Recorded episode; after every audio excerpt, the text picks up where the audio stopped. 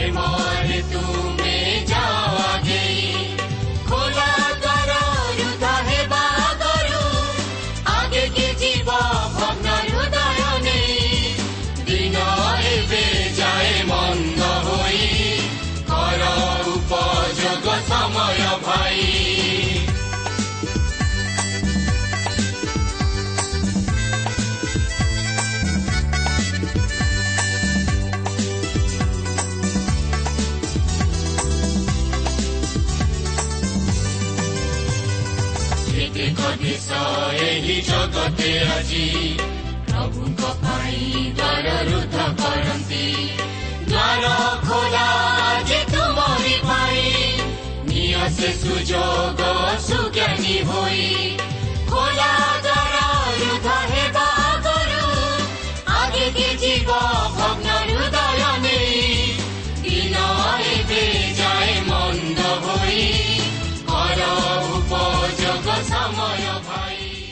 প্রিয় শ্রোতা বন্ধু ଆଜିର ଏହି ଶୁଭ ଅବସରରେ ଆମମାନଙ୍କର ସୃଷ୍ଟିକର୍ତ୍ତା ତଥା ଉଦ୍ଧାରକର୍ତ୍ତା ପ୍ରଭୁ ଯୀଶୁଖ୍ରୀଷ୍ଟଙ୍କ ବହୁମୂଲ୍ୟ ନାମରେ ଶୁଭେଚ୍ଛା ଜଣାଇ ଆଜିର ଏହି ପଥ ପ୍ରଦର୍ଶିକା କାର୍ଯ୍ୟକ୍ରମକୁ ଆପଣଙ୍କୁ ସ୍ୱାଗତ ଜଣାଏ ଆପଣ ଆପଣଙ୍କର ବହୁମୂଲ୍ୟ ସମୟ ଦେଇ ଆଜିର ଏହି କାର୍ଯ୍ୟକ୍ରମ ଶୁଣିବା ନିମନ୍ତେ ରେଡିଓ ପାଖରେ ଅପେକ୍ଷା କରି ବସିଥିବାର ଜାଣି ଆମେ ବିଶେଷ ଖୁସି ପ୍ରଭୁ ଆପଣଙ୍କୁ ଆଶୀର୍ବାଦ କରନ୍ତୁ ଆହୁରି ଆହୁରି ଆତ୍ମିକ ଜୀବନରେ ବର୍ଦ୍ଧିଷ୍ଣୁ କରାନ୍ତୁ ଆପଣଙ୍କର ପ୍ରାର୍ଥନାର ଅନୁରୋଧ ରକ୍ଷା କରି ଆମେ ମଧ୍ୟ ଆପଣଙ୍କ ନିମନ୍ତେ ପ୍ରାର୍ଥନା କରୁଅଛୁ ଆଉ ସେହି ପ୍ରଭୁ ଯୀଶୁ ନିଶ୍ଚିତ ଭାବରେ ଆପଣଙ୍କୁ ତାହାଙ୍କର ସେହି ସୁରକ୍ଷାର ବାହୁଛା ହାତରେ ଆବରି ରଖିବେ।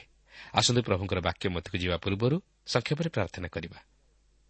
ପ୍ରିୟ ପବିତ୍ର ପ୍ରଭୁ ଆମମାନଙ୍କର ଜୀବିତ ଈଶ୍ୱର ପ୍ରତିଜ୍ଞାରେ ବିଶ୍ୱସ୍ତ ପରମେଶ୍ୱର ପ୍ରଭୁ ତୁମର ଧନ୍ୟବାଦ କରୁଅଛୁ ଏହି ସୁନ୍ଦର ସମୟ ପାଇଁ ତୁମର ଜୀବନ୍ତ ବାକ୍ୟ ପାଇଁ।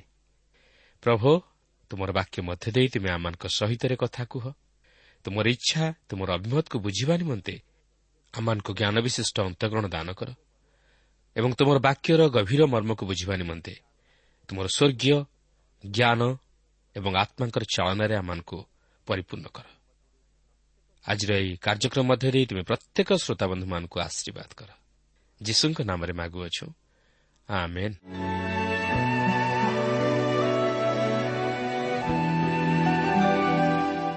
ଆସନ୍ତୁ ବର୍ତ୍ତମାନ ଆମେ ପ୍ରଭୁଙ୍କର ବାକ୍ୟ ମଧ୍ୟକୁ ଯିବା। ଆଜି ଆମେ ଦ୍ୱିତୀୟ ସାମିଲ ପୁସ୍ତକର ଉଣେଇଶ ଓ କୋଡ଼ିଏ ପର୍ବ ଦୁଇଟିକୁ ଅଧ୍ୟୟନ କରିବା ନିମନ୍ତେ ଯିବା। ଆପଣଙ୍କର ମନେଥିବ ଗତ ପାଠରେ ଆମେ ଦେଖିଥିଲୁ ଯେ ଦାଉଦ ଓ ଅବସାଲମଙ୍କ ମଧ୍ୟରେ ଗୃହଯୁଦ୍ଧ ହେଲା। ଦାଉଦ ଯଦିଓ ଅବସାଲମର ମୃତ୍ୟୁ ଚାହୁଁନଥିଲେ ମାତ୍ର ଅବସାଲମ ଜୟାବ ଦ୍ୱାରା ହତ ହେଲେ ଓ ଏହି ସମ୍ବାଦ ଦାଉଦଙ୍କୁ ଦିଆଯାନ୍ତେ ଦାଉଦ ଅତ୍ୟନ୍ତ ଶୋକ ଓ ରୋଦନ କଲେ। କାରଣ ସେ ନିଜ ପୁତ୍ରର ପରିତ୍ରାଣ ବିଷୟ ନେଇ ନିଶ୍ଚିତ ନଥିଲେ। କିନ୍ତୁ ଆଜି ଆମେ ଏହି ଦ୍ୱିତୀୟ ସାମିଲ ଉଣେଇଶ ପର୍ବରେ ଦେଖିବାକୁ ଯିବା ଯେ ଦାଉଦ ପୁନର୍ବାର ସିଂହାସନର ଅଧିକାରୀ ହେଲେ। କିନ୍ତୁ ଏଠାରେ ଦାଉଦଙ୍କ ଜୀବନରେ ଏକ ଚମତ୍କାର ପରିବର୍ତ୍ତନ ଦେଖୁଅଛୁ। ଅବସାଲମଙ୍କର ମୃତ୍ୟୁ ପରେ ଦାଉଦ ପ୍ରକୃତରେ ଭାଙ୍ଗି ପଡ଼ିଥିଲେ।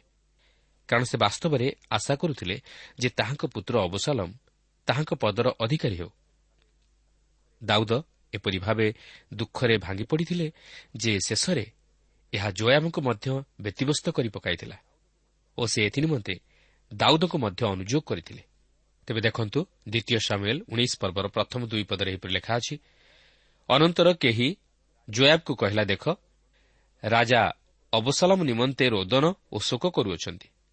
ଏଣୁ ସେହି ଦିବସର ଜୟ ସକଳ ଲୋକଙ୍କ ପ୍ରତି ଶୋକଜନକ ହେଲା। କାରଣ ରାଜା ଆପଣ ପୁତ୍ର ବିଷୟରେ ବ୍ୟତୀତ ହେଉଅଛନ୍ତି ଏହା ଲୋକମାନେ ସେହିଦିନ ଶୁଣିଲେ।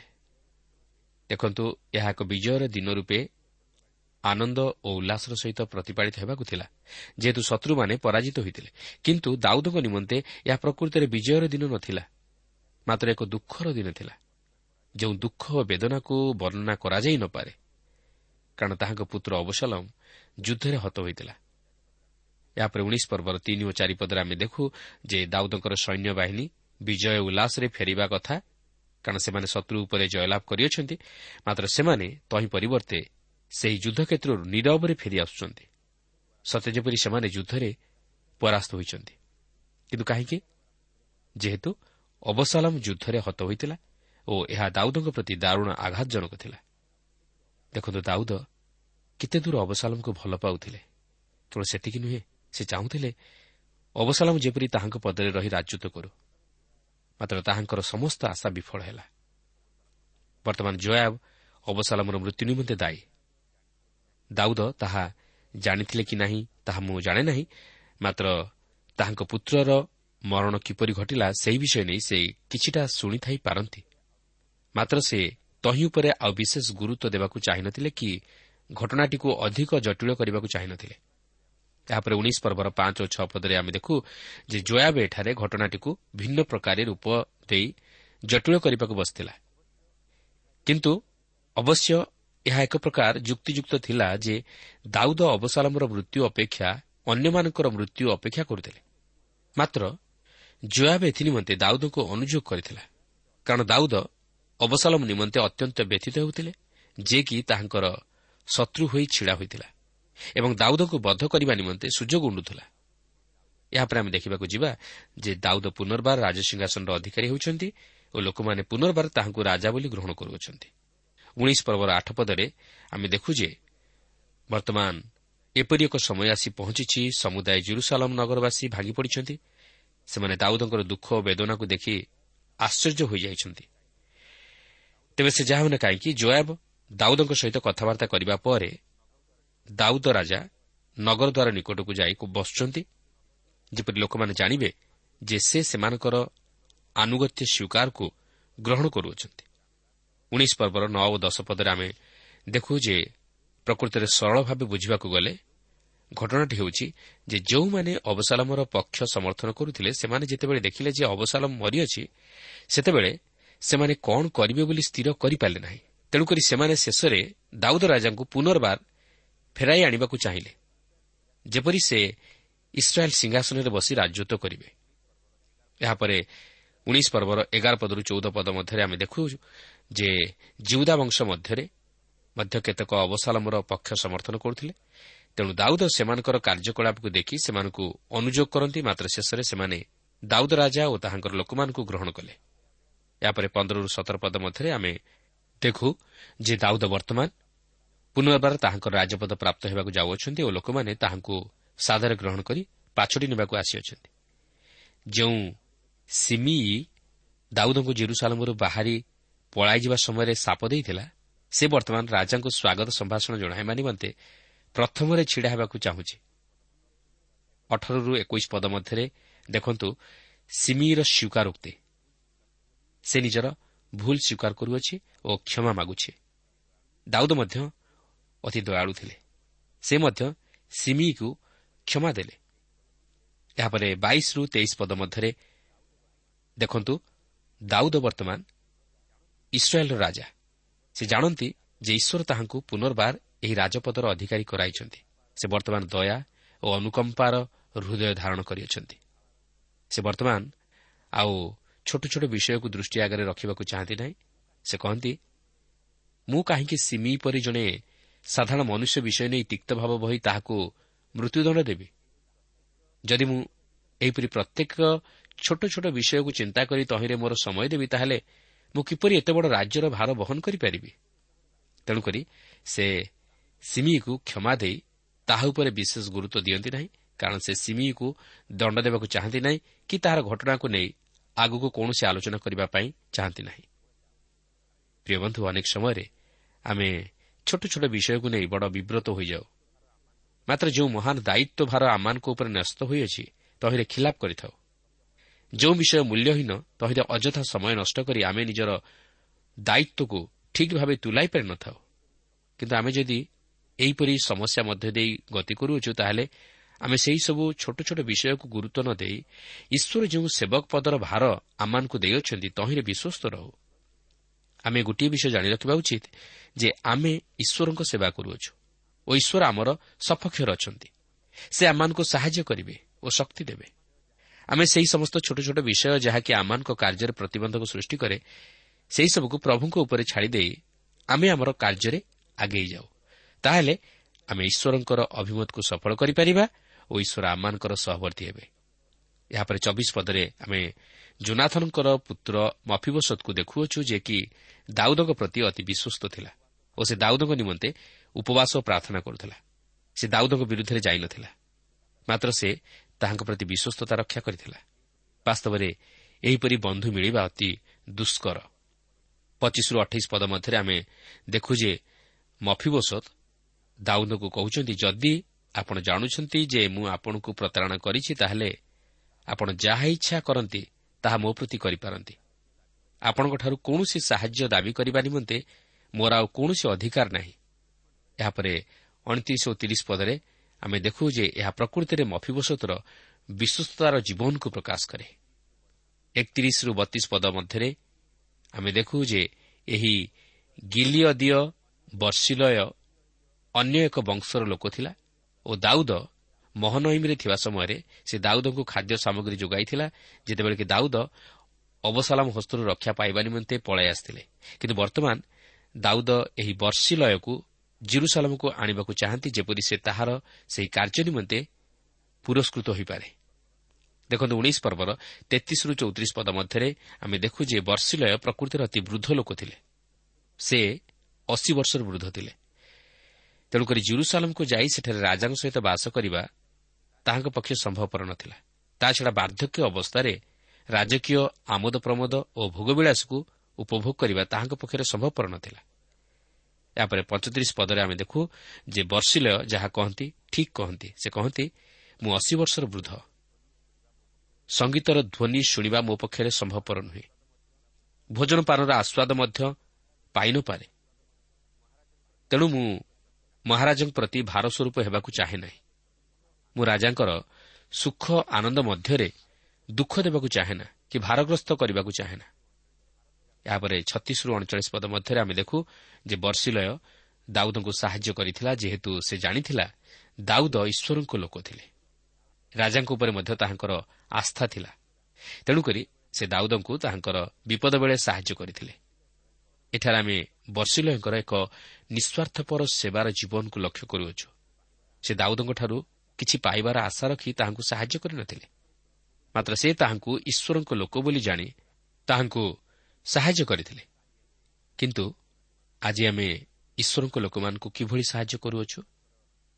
ଆମେ କ'ଣ ସେମାନଙ୍କର ଅଭାବ ତଥା ସମସ୍ୟା ପ୍ରତି ଦୃଷ୍ଟି ଦେଇ ସେମାନଙ୍କୁ ସାହାଯ୍ୟ କରୁ କିନ୍ତୁ ଆମେ ଯଦି ଈଶ୍ୱରଙ୍କ ଲୋକମାନଙ୍କୁ ବା ସେବକମାନଙ୍କୁ ସାହାଯ୍ୟ କରିବା ତାହେଲେ ଈଶ୍ୱର ଆମକୁ ତହିଁର ପୁରସ୍କାର ଦେବେ। କିନ୍ତୁ ଦୁଃଖର ବିଷୟ ହେଉଛି ଯେ ଦାଉଦ ତାହାଙ୍କ ପୁତ୍ର ଅବସାଲମକୁ ଟିକିଏ କ୍ଷମା ଦେଇପାରିନଥିଲେ ଯେତେବେଳେ ଅବସାଲମ ପାପ କରି କ୍ଷମା ମାଗିବା ନିମନ୍ତେ ଦାଉଦଙ୍କ ନିକଟକୁ ଆସିଥିଲା। ସେତେବେଳେ ଦାଉଦ ଯଦି ଅବସାଲମ ପ୍ରତି କ୍ଷମାର ବାହୁ ବିସ୍ତାର କରି ତାହାକୁ ଆଲିଙ୍ଗନ କରିନେଇଥାନ୍ତେ ତାହେଲେ ଘଟଣା ଏତେ ଦୂର ବଢ଼ିନଥାନ୍ତା କି ଗୃହଯୁଦ୍ଧ ହୋଇନଥାନ୍ତା। ଦାଉଦ ନିଜକୁ ବିପଦମୁକ୍ତ କରିପାରିଥାନ୍ତେ। ତେବେ ସେ ଯାହା ହେଉନା କାହିଁକି ଦାଉଦ ବର୍ତ୍ତମାନ ରାଜା ରୂପେ ପୁନର୍ବାର ରାଜସିଂହାସନର ଅଧିକାରୀ ହେଲେ ଓ ସମଗ୍ର ଜୁହୁଦା ଓ ଇସ୍ରାଏଲ୍ ବଂଶ ତାହାଙ୍କ ନିକଟରେ ଆନୁଗତ୍ୟ ସ୍ୱୀକାର କଲେ। ଈଶ୍ୱର ଦାଉଦଙ୍କ ସହବର୍ତ୍ତୀ ହୋଇ ତାହାଙ୍କୁ ଜୟ ପ୍ରଦାନ କଲେ। ମାତ୍ର ଦାଉଦ ଯେଉଁ ପାପ କରିଥିଲେ ସେହି ପାପର ପ୍ରତିଫଳ ତାହାଙ୍କୁ ଏହିପରି ଭାବେ ଭୋଗ କରିବାକୁ ପଡ଼ିଥିଲା। କିନ୍ତୁ ସେ ସେଥିନିମନ୍ତେ ଅନୁତାପ କରି ଈଶ୍ୱରଙ୍କ ନିକଟରେ ତାହା ସ୍ୱୀକାର କରିବା ଦ୍ୱାରା ଈଶ୍ୱର ତାହାଙ୍କୁ ଉଦ୍ଧାର କରିଥିଲେ ଓ ତାହାଙ୍କୁ ପରିତ୍ୟାଗ କରିନଥିଲେ।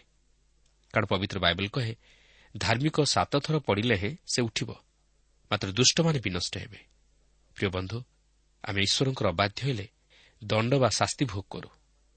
ମାତ୍ର ଏହା ଆମମାନଙ୍କର ବିନାଶ ନିମନ୍ତେ ନୁହେଁ କିନ୍ତୁ ମଙ୍ଗଳ ନିମନ୍ତେ। କାରଣ ଈଶ୍ୱର ତାହାଙ୍କର ସନ୍ତାନମାନଙ୍କୁ ହିଁ ଶାସନ କରନ୍ତି ଶୃଙ୍ଖଳିତ କରନ୍ତି। ବର୍ତ୍ତମାନ ଆମେ ଏହି ଦ୍ୱିତୀୟ ସାମୁଏଲ୍ର କୋଡ଼ିଏ ପର୍ବ ମଧ୍ୟକୁ ଯିବା। ଏହି କୋଡ଼ିଏ ପର୍ବରେ ଇସ୍ରାଏଲ୍ ରାଜ୍ୟ ମଧ୍ୟରେ ଏକ ବିଦ୍ରୋହର ବିଷୟ ଲକ୍ଷ୍ୟ କରିବାକୁ ଯିବା। ଆଉ ସେହି ବିଦ୍ରୋହର ନାୟକ ଥିଲେ ବିନ୍ୟାମିନ୍ୟ ବିକ୍ରିର ପୁତ୍ର ସେବ।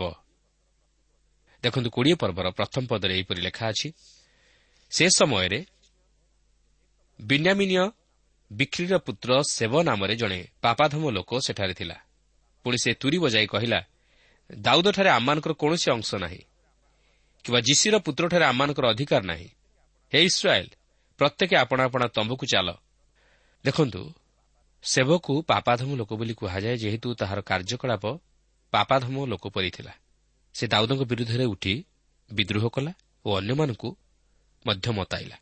ଏହାପରେ ଦୁଇ ପଦରେ ଆମେ ଦେଖୁଛୁ ଲେଖା ଅଛି ତହିଁରେ ସମଗ୍ର ଇସ୍ରାଏଲ୍ ଲୋକ ଦାଉଦଙ୍କର ପଶ୍ଚାତ ଗମନରୁ ଫେରି ବିକ୍ରିର ପୁତ୍ର ସେବର ପଶ୍ଚାତ ଗମନ କଲେ। ମାତ୍ର ଜର୍ଦ୍ଦନଠାରୁ ଜିରୁସାଲମ ପର୍ଯ୍ୟନ୍ତ ଜିହୁଦା ଲୋକମାନେ ଆପଣା ରାଜାଙ୍କଠାରେ ଆସକ୍ତ ରହିଲେ। ଏଥିରୁ ଆପଣ ଅନୁମାନ କରିପାରୁଥିବେ ମନୁଷ୍ୟର ହୃଦୟ କେତେ କଳୁଷିତ।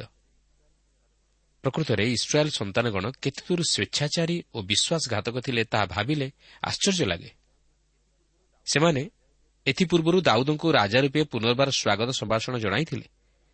ମାତ୍ର ବର୍ତ୍ତମାନ ସେବ କଥାରେ ସେମାନେ ଦାଉଦଙ୍କଠାରୁ ବିମୁଖ ହୋଇ ସେବର ପଛରେ ଗଲେ।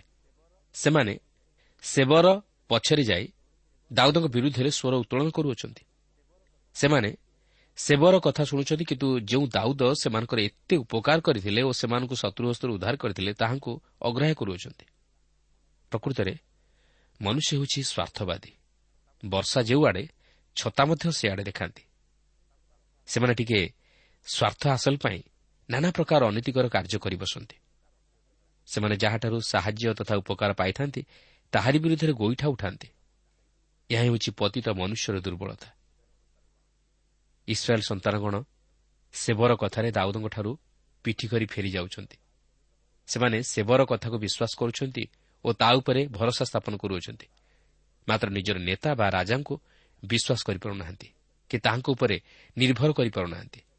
କୋଡ଼ିଏ ପର୍ବର ତିନି ପଦରେ ଲେଖା ଅଛି ଏଉତାରେ ଦାଉଦ ଜିରୁସାଲମକୁ ଆପଣା ଗୃହକୁ ଆସିଲେ ପୁଣି ରାଜା ଆପଣାର ଯେଉଁ ଦଶ ଉପପତ୍ନୀଙ୍କୁ ଗୃହ ଜଗିବାକୁ ଛାଡ଼ି ଯାଇଥିଲେ ସେମାନଙ୍କୁ ପ୍ରହରୀ ଗୃହରେ ରଖି ପଡ଼ି ଯୋଗାଇଲେ।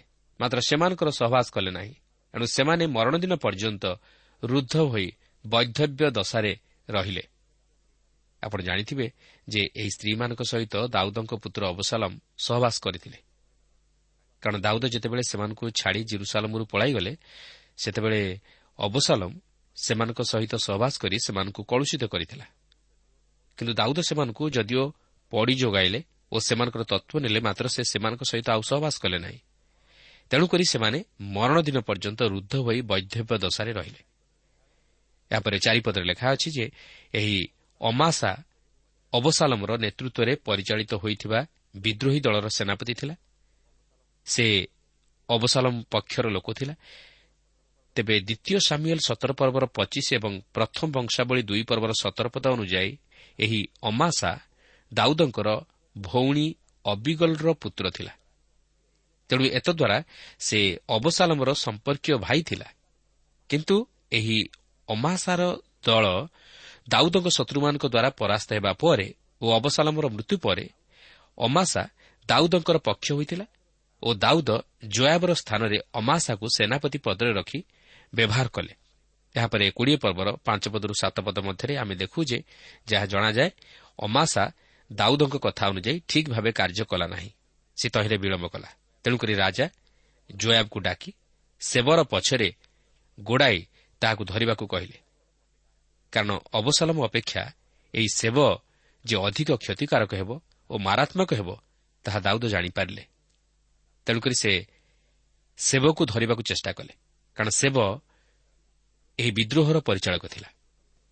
ଏହାପରେ ଆଠ ପଦରୁ ଦଶ ପଦ ମଧ୍ୟରେ ଆମେ ଦେଖୁ ଯେ ଜୋୟାବ ଅମାଶାକୁ ବଦ୍ଧ କଲା କାରଣ ସେ ମଧ୍ୟ ଦାଉଦଙ୍କ ପ୍ରତି ବିଶ୍ୱାସଘାତକତା କରିଥିଲା। ମାତ୍ର ଏହାପରେ ଜୟାବ ଓ ଅବିଷୟ ସେବର ପଛରେ ଗୋଡ଼ାଇଲେ। ଏଗାରରୁ ତେର ପଦ ମଧ୍ୟରେ ଆମେ ଦେଖୁ ଯେ ଅମାଶାର ପରିଣାମ କି ଭୟଙ୍କର ହେଲା। କାରଣ ଯେଉଁମାନେ ଈଶ୍ୱରଙ୍କ ଲୋକମାନଙ୍କ ସହିତ ବିଶ୍ୱାସଘାତକତା କରନ୍ତି କିମ୍ବା ଈଶ୍ୱରଙ୍କ ଲୋକମାନଙ୍କ ବିରୁଦ୍ଧରେ ଯାଆନ୍ତି ସେମାନଙ୍କର ଦଶା ଠିକ୍ ଏହିପରି ହୁଏ। ଅମାସା ଯେପରି କରିଥିଲା ତାହାକୁ ମଧ୍ୟ ଠିକ୍ ସେହିପରି ପ୍ରତିଫଳ ମିଳିଲା। କିନ୍ତୁ ଆମେ ଦେଖୁଛୁ ଯେ ଯେଉଁମାନେ ଜୋୟାବକୁ ଭଲ ପାଉଥିଲେ ଓ ଦାଉଦଙ୍କର ପକ୍ଷ ଥିଲେ ସେମାନେ ସେବର ପଛେ ଗୋଡ଼ାଇବା ପାଇଁ ଜୋୟାବର ଅନୁଗାମୀ ହେଲେ। ଚଉଦରୁ ବାଇଶ ପଦ ମଧ୍ୟରେ ଆମେ ଦେଖୁ ଯେ ଜୟାବ ସେବର ପଛେ ପଛେ ଗୋଡ଼ାଇ ତାହାକୁ ବଧ କଲା। ଯେତେବେଳେ ସେବ ସେହି ଆବେଲ ନଗରରେ ରକ୍ଷା ପାଇବା ନିମନ୍ତେ ଶରଣ ନେଇଥିଲା ଓ ଦାଉଦଙ୍କର ସୈନ୍ୟମାନେ ସେହି ନଗରକୁ ଆକ୍ରମଣ କରି ସେବକୁ ଧରିବା ନିମନ୍ତେ ପ୍ରସ୍ତୁତ ହେଲେ ଓ ସେହି ନଗର ଉପରେ ଆକ୍ରମଣ କଲେ ସେହି ସମୟରେ ଜଣେ ବୁଦ୍ଧିମତୀ ସ୍ତ୍ରୀ ସେମାନଙ୍କର ଏହିପରି କାର୍ଯ୍ୟରେ ପ୍ରତିବନ୍ଧକ ସୃଷ୍ଟି କରିବାକୁ ଚାହିଁଲା ଓ ସେପରି ନ କରିବା ପାଇଁ ସେମାନଙ୍କୁ ଅନୁରୋଧ କଲା। ମାତ୍ର ସେ ସେବକୁ ବଧ କରି ତାହାର ମସ୍ତକ ଆଣି ସେମାନଙ୍କ ହାତରେ ଦେବ ବୋଲି କହିଲା ଓ ସେହି ସ୍ତ୍ରୀ ମଧ୍ୟ ବୁଦ୍ଧିର ସହିତ କାର୍ଯ୍ୟ କରି ସେହି ନଗରର ଲୋକମାନଙ୍କ ଦ୍ୱାରା ସେବକୁ ବଧ କରାଇ ତାହାର ମସ୍ତକ ଆଣି ଜୟାବକୁ ଦେଲା। ତେଣୁ ଜୟାବର ଲୋକମାନେ ସେହି ଆବେଲ ନଗରକୁ ଆଉ ଆକ୍ରମଣ କଲେ ନାହିଁ। ମାତ୍ର ସେମାନେ ନିଜ ନିଜ ନଗରକୁ ଫେରିଆସିଲେ ଏହିପରି ଭାବେ ସେବର ବିଦ୍ରୋହର କାର୍ଯ୍ୟକୁ ଦାଉଦ ଦମନ କଲେ ଓ ବିଦ୍ରୋହର ପରିସମାପ୍ତି ଘଟିଲା। କିନ୍ତୁ ସେ ଯାହା ହେଉନା କାହିଁକି ଏତଦ୍ୱାରା ଦାଉଦଙ୍କ ସମସ୍ୟାର ସମାଧାନ ହୋଇଗଲା ନାହିଁ। କି ତହିଁରେ ପୂର୍ଣ୍ଣଚ୍ଛେଦ ପଡ଼ିଲା ନାହିଁ। ଯାହାକି ଆମେ ପରେ ଦେଖିବାକୁ ପାରିବା। ଦାଉଦଙ୍କ ପ୍ରତି ସଦାପ୍ରଭୁଙ୍କର ବିଚାର ଯେପରି ବର୍ତ୍ତିବାକୁ ଥିଲା ତାହା ଏହିପରି ଭାବେ ଗୋଟିଏ ପରେ ଗୋଟିଏ ଘଟିବାକୁ ଥିଲା। କିନ୍ତୁ ଦାଉଦ ଏଥିନିମନ୍ତେ ଈଶ୍ୱରଙ୍କ ନିକଟରେ କ୍ରନ୍ଦନ କରିନଥିଲେ କି ତାହାଙ୍କ ଉପରେ ଅଭିମାନ କରି ତାହାଙ୍କୁ ଦୋଷାରୋପ କରିନଥିଲେ। କାରଣ ସେ ଜାଣିଥିଲେ ଯେ ତାହାଙ୍କ ପାପର ପ୍ରତିଫଳ ତାହାଙ୍କୁ ଭୋଗ କରିବାକୁ ଅଛି। ସେ ଜାଣିଥିଲେ ଯେ ଏହି ସମସ୍ତ ସମସ୍ୟା ଈଶ୍ୱରଙ୍କ ଆଡ଼ୁ ଘଟୁଅଛି। ଯେହେତୁ ଈଶ୍ୱର ନ୍ୟାୟ ବିଚାରକର୍ତ୍ତା ଓ ସେ ପାପିକୁ ତାହାର ପାପର ପ୍ରତିଫଳ ଭୋଗ କରିବାକୁ ଦିଅନ୍ତି। ମାତ୍ର ସେ ତାହାକୁ ବିନାଶ କରନ୍ତି ନାହିଁ। ସେ ନିଶ୍ଚୟ ତାହାକୁ ସେହି ସମସ୍ତ ସମସ୍ୟା ମଧ୍ୟରୁ ଉଦ୍ଧାର କରି ରକ୍ଷା କରିବେ। ଏହା ହିଁ ହେଉଛି ଧାର୍ମିକ ଓ ଅଧାର୍ମିକ ମଧ୍ୟରେ ପ୍ରତିଫଳ ଭୋଗ କରିବାର ଭିନ୍ନତା। ଅଧାର୍ମିକ ତଥା ଅବିଶ୍ୱାସୀମାନେ ସେମାନଙ୍କର ପାପ ନିମନ୍ତେ ଯେଉଁ ପ୍ରତିଫଳ ଭୋଗ କରନ୍ତି ତାହା ସେମାନଙ୍କର ବିନାଶ ନିମନ୍ତେ। କିନ୍ତୁ ଈଶ୍ୱରଙ୍କଠାରେ ବିଶ୍ୱାସ କରୁଥିବା ବିଶ୍ୱାସୀ ତଥା ଧାର୍ମିକମାନେ ଯେଉଁ ପ୍ରତିଫଳ ଭୋଗ କରନ୍ତି ତାହା ସେମାନଙ୍କର ମଙ୍ଗଳ ନିମନ୍ତେ। ଯେପରି ଈଶ୍ୱରଙ୍କର ସେହି ମହାବିଚାରର ଦିନରେ ଅଧାର୍ମିକ ଓ ପାପୀମାନଙ୍କ ସହିତ ସେମାନେ ଯେପରି ବିଚାରିତ ନ ହୁଅନ୍ତି ମାତ୍ର ଅନନ୍ତ ଜୀବନରେ ପ୍ରବେଶ କରି ଅନନ୍ତକାଳ ପର୍ଯ୍ୟନ୍ତ ସ୍ୱର୍ଗୀୟ ସୁଖ ଶାନ୍ତି ଉପଭୋଗ କରନ୍ତି। ଆପଣ ଭାବନ୍ତୁ ନାହିଁ ଯେ ଦାଉଦ ପାପ କରି ଛାଡ଼ ପାଇଗଲେ। ସେ ଭୟଙ୍କର ଭାବେ ଶାସ୍ତି ଭୋଗ କଲେ। ଦାଉଦ ଈଶ୍ୱରଙ୍କୁ ପ୍ରେମ କରୁଥିଲେ ଓ ଈଶ୍ୱର ମଧ୍ୟ ଦାଉଦକୁ ପ୍ରେମ କରୁଥିଲେ। କିନ୍ତୁ ଏହାର ଅର୍ଥ ନୁହେଁ ଯେ ଈଶ୍ୱର ଦାଉଦଙ୍କର ପାପକୁ ପ୍ରେମ କରୁଥିଲେ କିମ୍ବା ପ୍ରଶ୍ରୟ ଦେଉଥିଲେ। ପବିତ୍ର ବାଇବଲ କହେ ଈଶ୍ୱର ଯାହାକୁ ପ୍ରେମ କରନ୍ତି ତାହାକୁ ହିଁ ଶାସନ କରନ୍ତି। ପିତା ଯେପରି ନିଜ ପୁତ୍ରକୁ ସ୍ନେହ ଓ ପ୍ରେମ କରୁଥିବାରୁ ତାହାକୁ ଶାସନ କରେ ସେହିପରି ଈଶ୍ୱର ମଧ୍ୟ ତାହାଙ୍କ ଲୋକମାନଙ୍କୁ ପ୍ରେମ କରୁଥିବାରୁ ସେମାନଙ୍କୁ ଶାସନ କରନ୍ତି। କାରଣ ଆମମାନେ ପ୍ରତ୍ୟେକ ଏକ ଈଶ୍ୱରଙ୍କର ସନ୍ତାନ। ତେଣୁ ଆମେ ଈଶ୍ୱରଙ୍କ ଶାସନକୁ ନିଜ ଜୀବନରେ ଗ୍ରହଣ କରିନେବା ଉଚିତ। ଈଶ୍ୱରଙ୍କ ବଳବନ୍ତ ତଥା ଅନୁଗ୍ରହର ବାହୁଚାୟ ତଳେ ଶରଣାପନ୍ନ ହେବା ଉଚିତ। ଆଜି ଅନେକ ଏହି ନିଗୁଢ଼ ବିଷୟକୁ ବୁଝି ନ ପାରିବା ହେତୁ ନାସ୍ତିକ ହୋଇଯାଆନ୍ତି। ଅନେକ ଈଶ୍ୱରଙ୍କଠାରୁ ଦୂରେଇ ଯାଆନ୍ତି। ଓ ଈଶ୍ୱରଙ୍କ ବିରୁଦ୍ଧରେ କଥା କୁହନ୍ତି। ଈଶ୍ୱରଙ୍କର ବିଦ୍ରୋହାଚରଣ କରନ୍ତି। ଭାବନ୍ତି ଈଶ୍ୱର ସେମାନଙ୍କୁ ପରିତ୍ୟାଗ କରିଅଛନ୍ତି। କିନ୍ତୁ ଏହାଦ୍ୱାରା ଆମେ ନିଜର ସମସ୍ୟାରୁ ଉଦ୍ଧାର ପାଇପାରିବା ନାହିଁ। ବରଂ ଏହା ଆହୁରି ଅଧିକରୁ ଅଧିକ ବଢ଼ିଯିବ ଓ ଆମେ ଶେଷରେ ବିନଷ୍ଟ ହୋଇଯିବା। ବାସ୍ତବରେ ଆମେ ଯେପରି ଭାବୁ ଈଶ୍ୱର ଆମମାନଙ୍କ ପ୍ରତି ସେତେଦୂର ନିଷ୍ଠୁର ନୁହନ୍ତି। କିନ୍ତୁ ଆମେ ଯେତେବେଳେ ନିଜର ହୃଦୟକୁ କଠିନ କରୁ ଓ ଶକ୍ତଗ୍ରୀବ ହୋଇଯାଉ ସେତେବେଳେ ସେ ମଧ୍ୟ ଆମମାନଙ୍କ ବିଷୟରେ ମନୋଯୋଗ କରିନଥାନ୍ତି ଫଳତଃ ଆମେ ଦୁଃଖ ଓ ସମସ୍ୟା ମଧ୍ୟ ଦେଇ କାଳାତ୍ପାତ କରୁ। କାରଣ ମନୁଷ୍ୟ ଯଦି ଈଶ୍ୱରଙ୍କ ଆଶୀର୍ବାଦରୁ ବଞ୍ଚିତ ହୁଏ ତାହେଲେ ସେ କିପରି ଶାନ୍ତିରେ ଜୀବନ ଅତିବାହିତ କରିପାରିବ? ଆମେ ଦାଉଦଙ୍କ ଜୀବନ ପ୍ରତି ଯଦି ଲକ୍ଷ୍ୟ କରିବା ତାହେଲେ ଆମେ ଅନେକ କିଛି ବିଷୟ ଶିକ୍ଷା କରିପାରିବା। ଦାଉଦ ଈଶ୍ୱରଙ୍କ ବିଚାରକୁ ମାନି ନେଇଥିଲେ। ସେ ସମସ୍ତ ସମସ୍ୟା ଓ ଦୁଃଖ ନିମନ୍ତେ ଈଶ୍ୱରଙ୍କୁ ଦାୟୀ କରିନଥିଲେ ମାତ୍ର ନିଜକୁ ଦାୟୀ କରିଥିଲେ ଓ ତହିଁ ନିମନ୍ତେ ଅନୁତାପ କରି ତାହା ସ୍ୱୀକାର କରିଥିଲେ। ତେଣୁକରି ସମସ୍ତ ପ୍ରକାର ଅପ୍ରୀତିକର ପରିସ୍ଥିତି ତଥା ନୈରାଶ୍ୟତା ମଧ୍ୟରେ ମଧ୍ୟ ସେ ଈଶ୍ୱରଙ୍କୁ ପରିତ୍ୟାଗ କରିନଥିଲେ ମାତ୍ର ତାହାଙ୍କୁ ପ୍ରେମ କରି ତାହାଙ୍କଠାରେ ବିଶ୍ୱାସରେ ସ୍ଥିର ରହିଥିଲେ। ଆଉ ସେ ଜାଣିଥିଲେ ଯେ ପ୍ରଭୁ ସମସ୍ତ ବିଷୟରେ ତାହାଙ୍କୁ ଜୟ ପ୍ରଦାନ କରିବେ ଓ ସେ ତାହାଙ୍କୁ ଉଦ୍ଧାର କରିବେ। ପ୍ରିୟ ବନ୍ଧୁ ଆମେ କେହି ଧାର୍ମିକ ନୁହଁ। ଆମେ ସମସ୍ତେ ପାପ କରି ଈଶ୍ୱରଙ୍କ ମହିମାରୁ ଉଣା ପଡ଼ିଅଛୁ। ମାତ୍ର ତଥାପି ଈଶ୍ୱର ଆମମାନଙ୍କ ପ୍ରତି ତାହାଙ୍କର ଅସୀମ ପ୍ରେମ ଓ ଦୟା ତଥା ଅନୁଗ୍ରହ ପ୍ରଭୁ ଯୀଶୁଖ୍ରୀଷ୍ଟଙ୍କର ସେହି ପ୍ରାୟଶ୍ଚିତ କାର୍ଯ୍ୟ ମାଧ୍ୟମରେ ଆମମାନଙ୍କ ପ୍ରତି ପ୍ରକାଶ କରିଅଛନ୍ତି। ଯେପରି ଆମେ ପାପରୁ ଉଦ୍ଧାର ପାଇ ଈଶ୍ୱରଙ୍କ ସନ୍ତାନ ହେବାର ଅଧିକାର ପ୍ରାପ୍ତ ହେଉ। ଆଜି ଯଦି ଆମେ ଦାଉଦଙ୍କ ପରି ନିଜର ଜୀବନକୁ ସମୀକ୍ଷା କରିବା ଓ ପ୍ରଭୁ ଯୀଶୁଖ୍ରୀଷ୍ଟଙ୍କୁ ପ୍ରେମ କରି ତାହାଙ୍କଠାରେ ବିଶ୍ୱାସରେ ସ୍ଥିର ରହିବା ଓ ତାହାଙ୍କଠାରେ ନିଜର ସମସ୍ତ ପାପ ଓ ଦୁର୍ବଳତା ସବୁକୁ ଅନୁତାପର ସହିତ ସ୍ୱୀକାର କରି କ୍ଷମା ମାଗିବା ତାହେଲେ ସେ ଆମମାନଙ୍କୁ ଗ୍ରହଣ କରି ଓ ଆମମାନଙ୍କୁ ପାପରୁ ଉଦ୍ଧାର କରି। ଈଶ୍ୱରଙ୍କର ସେହି ମହାବିଚାରରୁ ଆମମାନଙ୍କୁ ରକ୍ଷା କରିବେ ଓ ସେହି ଅନନ୍ତ ଜୀବନରେ ପ୍ରବେଶ କରାଇବେ। ପ୍ରଭୁ ଆମ ପ୍ରତ୍ୟେକଙ୍କୁ ଏହି ସଂକ୍ଷିପ୍ତ ଆଲୋଚନା ମଧ୍ୟ ଦେଇ ଆଶୀର୍ବାଦ କରନ୍ତୁ।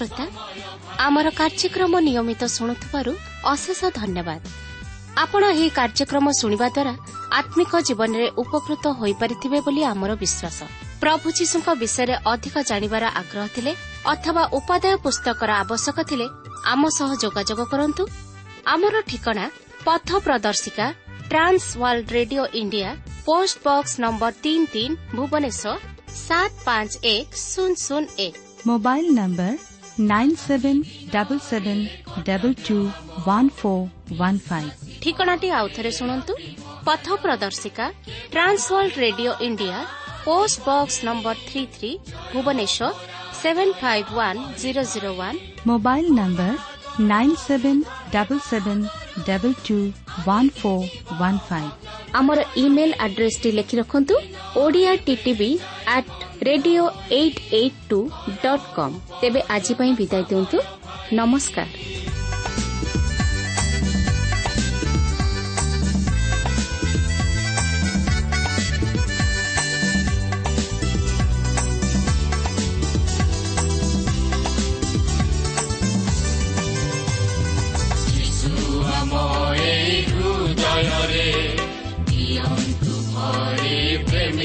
ଦିଅନ୍ତୁ